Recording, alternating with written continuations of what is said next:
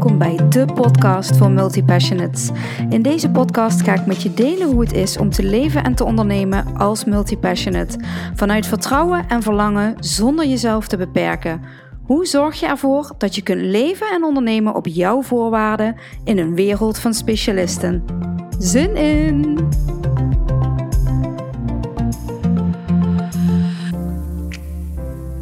Boy oh boy, aflevering 4.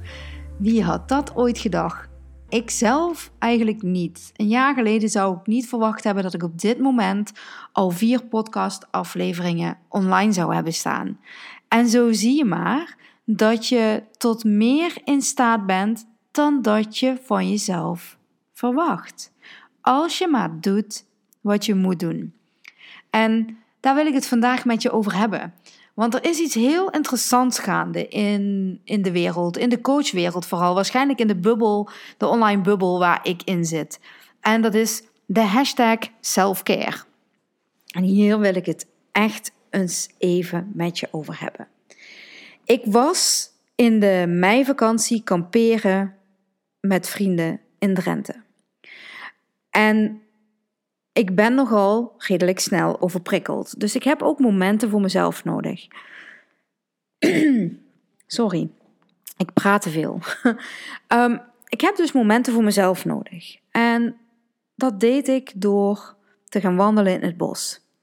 De oortjes in en muziekje op of een podcast op en wandelen. En ik was een podcast aan het luisteren van Kim Munnekom. En ergens in die podcast vertelde zij dat het heel vaak voorkomt dat self-care gezien wordt als alles loslaten waar je mee bezig bent en op de bank gaan liggen, naar de sauna gaan. Ehm, en vooral stoppen met waar je mee bezig was. En voor haar, en dit geldt voor mij ook, is een onderdeel van self-care soms ook jezelf pushen om uit die comfortzone te stappen.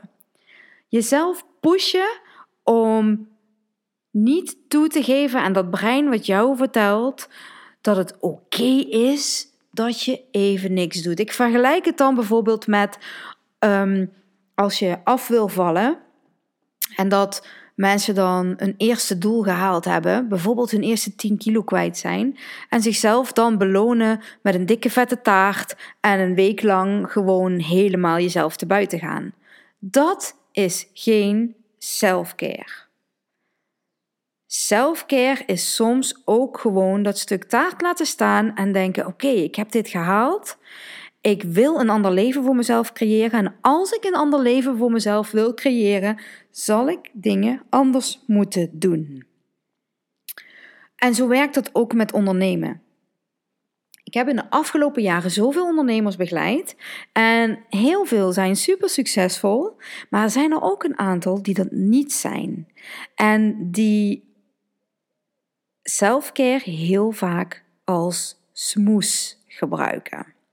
Nou, niet meteen boos worden op me, want ik snap het, hè. Ik heb het zelf ook dat ik denk, ja, selfcare, fuck it, ik ga helemaal niks doen en ik ben er wel even klaar mee.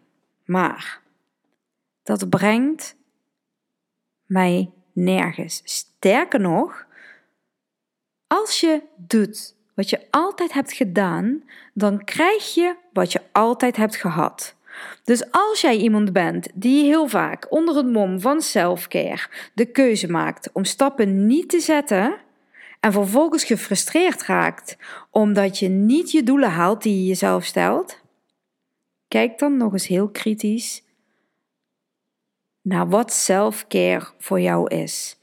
Want selfcare voor mij is dus echt mezelf pushen om dat te doen wat ik graag zou willen doen. Want wat heb je er eigenlijk aan als je op een gegeven moment jezelf ziet zitten en een andere ondernemer iets hoort vertellen wat jij ook had willen doen, maar wat je niet gedaan hebt? Dan baal je. Dan baal je als een stekker. En als je dan ook nog onder het mom van selfcare die dingen niet gedaan hebt, is het dan wel selfcare geweest? Want het feit dat je nu zit te balen, je geïrriteerd bent, dat je boos bent op jezelf, dat je gefrustreerd bent dat je niet daar bent waar je had willen zijn, kan je vertellen, als je je zo voelt, dan heb je wel weer extra selfcare nodig. dus daarmee beland je in die cirkel van de mindfuck selfcare, zo noem ik ze maar even. Want je hebt dus echt selfcare en je hebt selfcare. En ik zie het heel vaak gebeuren dat mensen.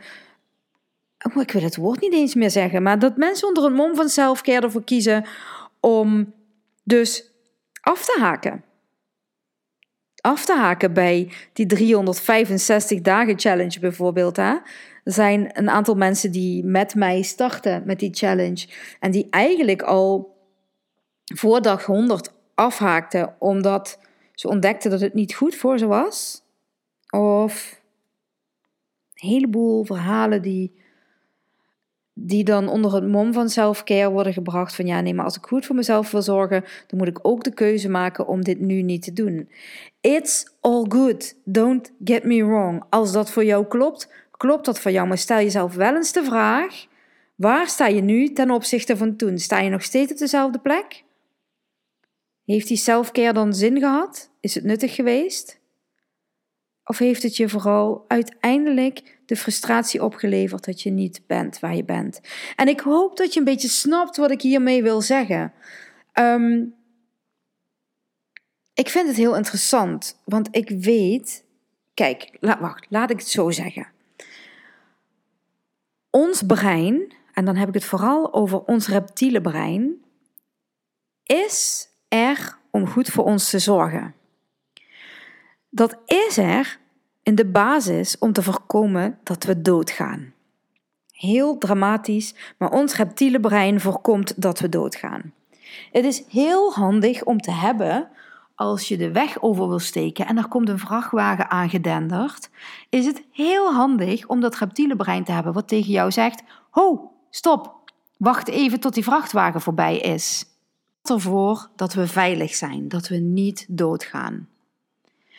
Ontwikkelen als persoon, groeien als persoon, nieuwe dingen proberen als persoon, is ook een signaal voor jouw reptiele brein. Want de persoon die je was, die zul je niet meer zijn als je bepaalde stappen zet. De persoon die je was, zal dus als het ware sterven. En dat kan niet, want het doel van het reptiele brein is dat je niet sterft, is dat je blijft leven. Dus dat reptiele brein zal alles, maar dan ook echt alles in de strijd gooien om jou te houden waar je bent. Want daar waar je nu bent, is het veilig. Daar waar je naartoe wil, dat hebben we nog nooit gezien. We hebben geen idee of het daar veilig is. We hebben nog geen idee of het levensgevaarlijk is. Dus ik ga voorkomen dat je daar naartoe gaat. En dan gooit dat reptiele brein ook regelmatig de hashtag selfcare even in je hoofd. En dan maken we heel vaak de keuze om te stoppen waar we mee bezig waren. Ook al voelden we in het begin: dit is wat ik wil. Ik wil groeien. Ik wil dat bedrijf dat ik voor ogen heb. Ik wil dat leven wat ik voor ogen heb. Ik wil niet meer doen wat ik altijd heb gedaan. Ik wil meer vrijheid voor mezelf creëren. En dat doe je niet door te blijven zitten waar je zit. Maar dat is wel het doel van je reptiele brein. Het leven is één grote mindfuck. Ik zeg dit vaker, maar het is echt één grote mindfuck.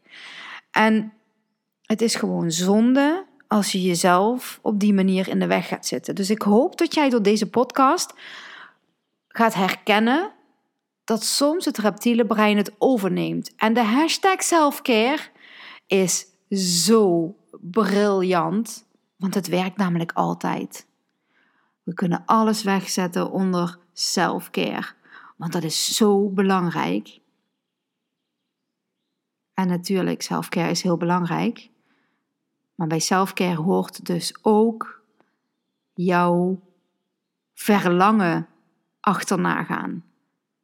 En daarbij hoort dat het soms spannend en doodeng is. Neem nou deze podcast, hè. Je weet, als je, als je de andere podcast geluisterd hebt, dan weet je dat ik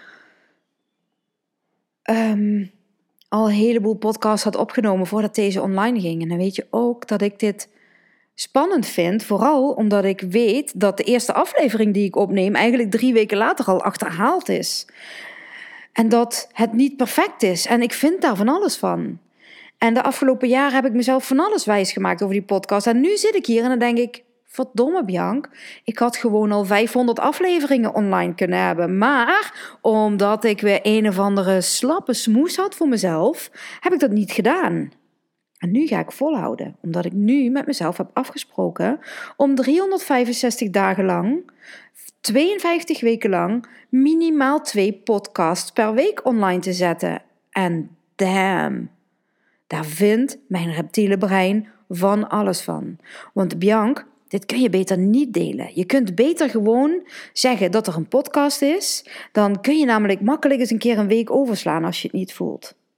En toch deel ik het nu. Want ik maak de afspraak om 52 weken lang elke week twee podcasts online te plaatsen.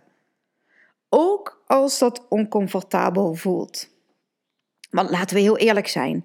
Het kan oncomfortabel voelen. En soms kan ik zeggen, ik voel het helemaal niet. Maar hoeveel moeite is het nou om een podcast op te nemen? Of ik nou een half uur of een kwartier, al is het maar een podcast van een kwartier, het maakt niet zo heel veel uit. Maar of ik nou een half uur zit te Netflixen of een half uur mijn gedachten met je deel. Dat half uur Netflixen krijg ik nooit meer terug. Dit half uur mijn gedachten met je delen, 20 minuten, kwartier, I don't know hoe lang deze duurt.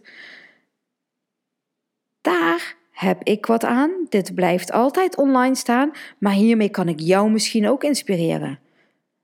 En het is goed voor mij, het is goed voor mijn bedrijf, het is goed voor de mensen die er hier naar luisteren, die hier iets van leren. En het is goed voor mijn reptiele brein dat gaat leren dat het helemaal niet zo eng is als dat ik dacht. Dat het helemaal niet levensgevaarlijk is, dat ik je niet dood aanga, dat ik alleen maar groei als mens. Ik, ik kan hier eindeloos over ratelen. Ik kan hier zelfs ook boos over worden. Ik kan zelfs zeggen: Godverdomme, get your shit together en doe iets. Want selfcare kan prima bestaan naast actie. Prima. Dat kan prima naast elkaar bestaan. Sterker nog, volgens mij hoort het naast elkaar te bestaan. Want eerlijk, eindeloos Netflixen heeft echt niks met selfcare te maken. Als je echt belangrijk vindt om goed voor jezelf te zorgen, dan zorg je dat je gezond eet. Dan zorg je dat je veel water drinkt. Dan zorg je dat je mediteert, dat je yoga doet. I don't know. Maar dat alles is beter voor jou als mens dan hashtag selfcare, hashtag Netflix. Snap je mijn punt? Daarmee zeg ik niet dat je nooit meer mag Netflixen. Want ja, dat kan ik ook. En ik vind het heerlijk. Maar first things first. Wat is mijn verlangen? Waar wil ik naartoe? Wat moet ik daarvoor doen? Wie moet ik daarvoor zijn? Hoe moet ik me voelen? En wat past daarbij? Die persoon die ik ben, als ik denk aan mijn verlangen, is de persoon die in staat is om elke week twee podcasts op te nemen. Is de persoon die in staat is om gezond te eten. Zonder problemen. Is de persoon die naast een goed lopend bedrijf ook de tijd en energie heeft om een dagje zich kapot te genieten. Om, ja, weet ik veel, om een dag naar de sauna te gaan en daar alles los te laten.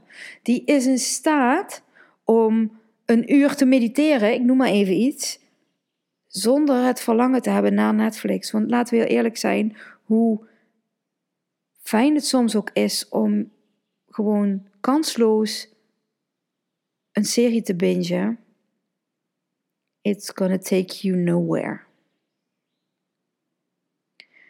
En ik denk dan altijd aan mensen als Richard Branson, eh, de, de succesvolle ondernemers van deze aarde. En dan denk ik, zouden die ook self-care, ehm, zouden die ook, hoe moet ik dit nou zeggen? Mijn brein raakt in de war. Zouden die ook uren Netflixen onder het mom van self-care? Of zouden die andere dingen doen? En ik weet zeker dat die andere dingen doen. Dus met de persoon die ik wil zijn in gedachten, maak ik de keuzes. En het is heel interessant, hè? Want je leven zoals het nu is, is het resultaat van alles wat je tot nu toe hebt gedaan, gedacht en alles, alle overtuigingen die je tot nu toe hebt gehad over jezelf. Die hebben je gebracht tot waar je nu bent. En ik weet zeker dat jouw verlangen nog ergens anders zit. En daarvoor moet je dus andere dingen doen dan die je tot nu toe gedaan hebt. Dat betekent dat als je blijft doen wat je tot nu toe gedaan hebt en als je maar blijft Netflixen en whatever it is, dat je resultaat altijd hetzelfde zal zijn. En dat is oké, ja? Als je gelukkig bent met waar je nu bent, is dat helemaal prima. Maar iedereen die ik spreek heeft een verlangen, heeft een wens, maar is niet bereid om dingen anders te doen dan dat ze tot nu toe gedaan hebben. En dat gaat je dus nergens brengen. Ja, dat gaat je wel ergens brengen, daar waar je nu bent. Maar wil je stappen zetten, dan zul je dingen anders moeten doen. En ik zeg niet, ga meteen je hele leven omgooien, want dat werkt niet. Ik zeg niet, als je 20 kilo wil afvallen, ga je vanaf nu alleen nog maar sla eten. Dat hou je niet vol. Kleine stapjes zijn ook stapjes. Dat betekent dat je kleine dingen anders mag gaan doen. Begin maar gewoon ergens mee. Wat is dat? Voor mij is dat dus nu bijvoorbeeld twee keer in de week een podcast online zetten. Maar het zou ook kunnen zijn, ik ga vanaf nu elke dag twee liter water drinken. Of ik ga um, het ene eten vervangen door iets gezonders. Kleine stapjes. Maar weet één ding: als je doet wat je altijd hebt gedaan, dan krijg je wat je altijd hebt gehad. En de vraag is of je dat wil. Ik ga het hierbij laten, want ik kan nog eindeloos in dit cirkeltje praten.